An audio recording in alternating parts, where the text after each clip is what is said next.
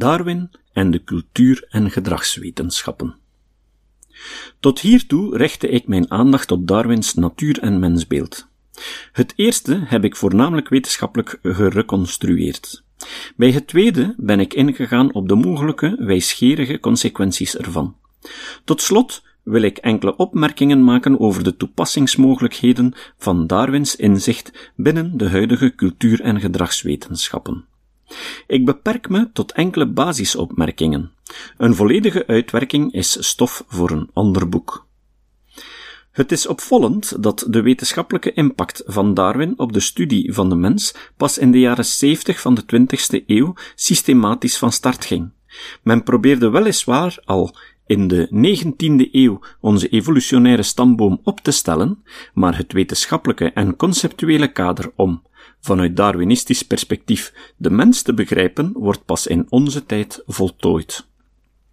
Opeenvolgende fossiele vondsten hebben aangetoond dat de moderne mens, Homo sapiens sapiens, zo'n 200.000 jaar oud is.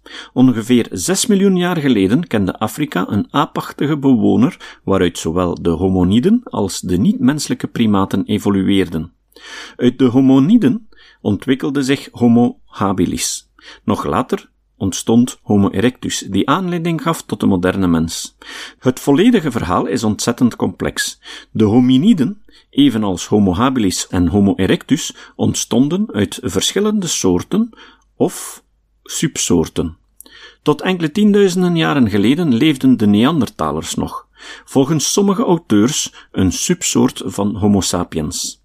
Over de oorzaken van het uitsterven van al die soorten heerst onzekerheid. Vast staat wel dat de moderne mens de enige nog levende homosoort is.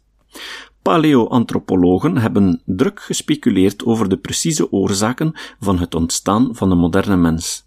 Zijn kenmerkende eigenschappen zijn onder meer het vermogen tot artistieke expressie, het gebruik van symbolen en het maken en hanteren van technologie de neiging tot het koloniseren van de aarde, het bezit van moreel vermogen, van bewustzijn, zelfbewustzijn, van sterk ontwikkelde cognitieve vermogens en van taal en cultuur. De mensen die 10 tot 30.000 jaar geleden de wand van de grot Chauvet in de Ardèche beschilderden en in Lascaux, Altamira en zoveel andere plaatsen, waren ontegensprekelijk modern. Maar wat precies leidde ertoe dat zij, anders dan bijvoorbeeld Homo habilis, Homo erectus en Homo sapiens neanderthalensis, ten volle over die vaardigheden beschikten? Het antwoord op die vraag kan leiden tot wetenschappelijk inzicht in de aard en het gedrag van de huidige mens. De 20e eeuwse cultuur en gedragswetenschappen legden vooral de klemtoon op de mens als zichzelf scheppend cultuurwezen. Men meende dat de biologie en de evolutietheorie in het bijzonder ons niets kon leren over de menselijke natuur. Men was er zelfs vast van overtuigd dat onze soort, anders dan dieren, geen eigen natuur bezit.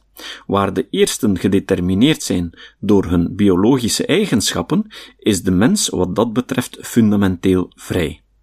Zijn daden en opvattingen worden niet meebepaald door zijn biologische constitutie en zijn evolutionaire herkomst, al dus de gangbare opvatting.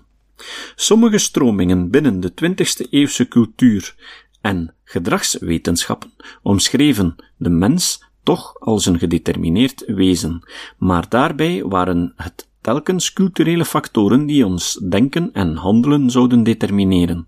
Het Marxisme ziet de mens als bepaald door zijn socio-economische klasse.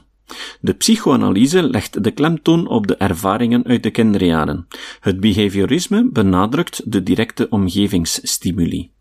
Ondanks de vele indrukwekkende pogingen hebben deze theorieën nooit hetzelfde statuut als de natuurwetenschappelijke theorieën verworven. De volgende redenen worden hiervoor voornamelijk naar voren gebracht. Ten eerste de complexiteit en onvoorspelbaarheid van het onderwerp, de mens en zijn gedrag. Ten tweede de moeilijkheid om causale determinanten te omschrijven betreffende de mens. En ten derde het onontkoombare feit dat diegenen die de mens onderzoeken zelf mensen zijn, waardoor objectief onderzoek onmogelijk zou zijn. Ik denk samen met vele Darwinistisch geïnspireerde onderzoekers, dat het moderne Darwinisme in staat is om deze moeilijkheden op te lossen en om bij gevolg op termijn de kern van de cultuur- en gedragswetenschappen even hard te maken als de natuurwetenschappen.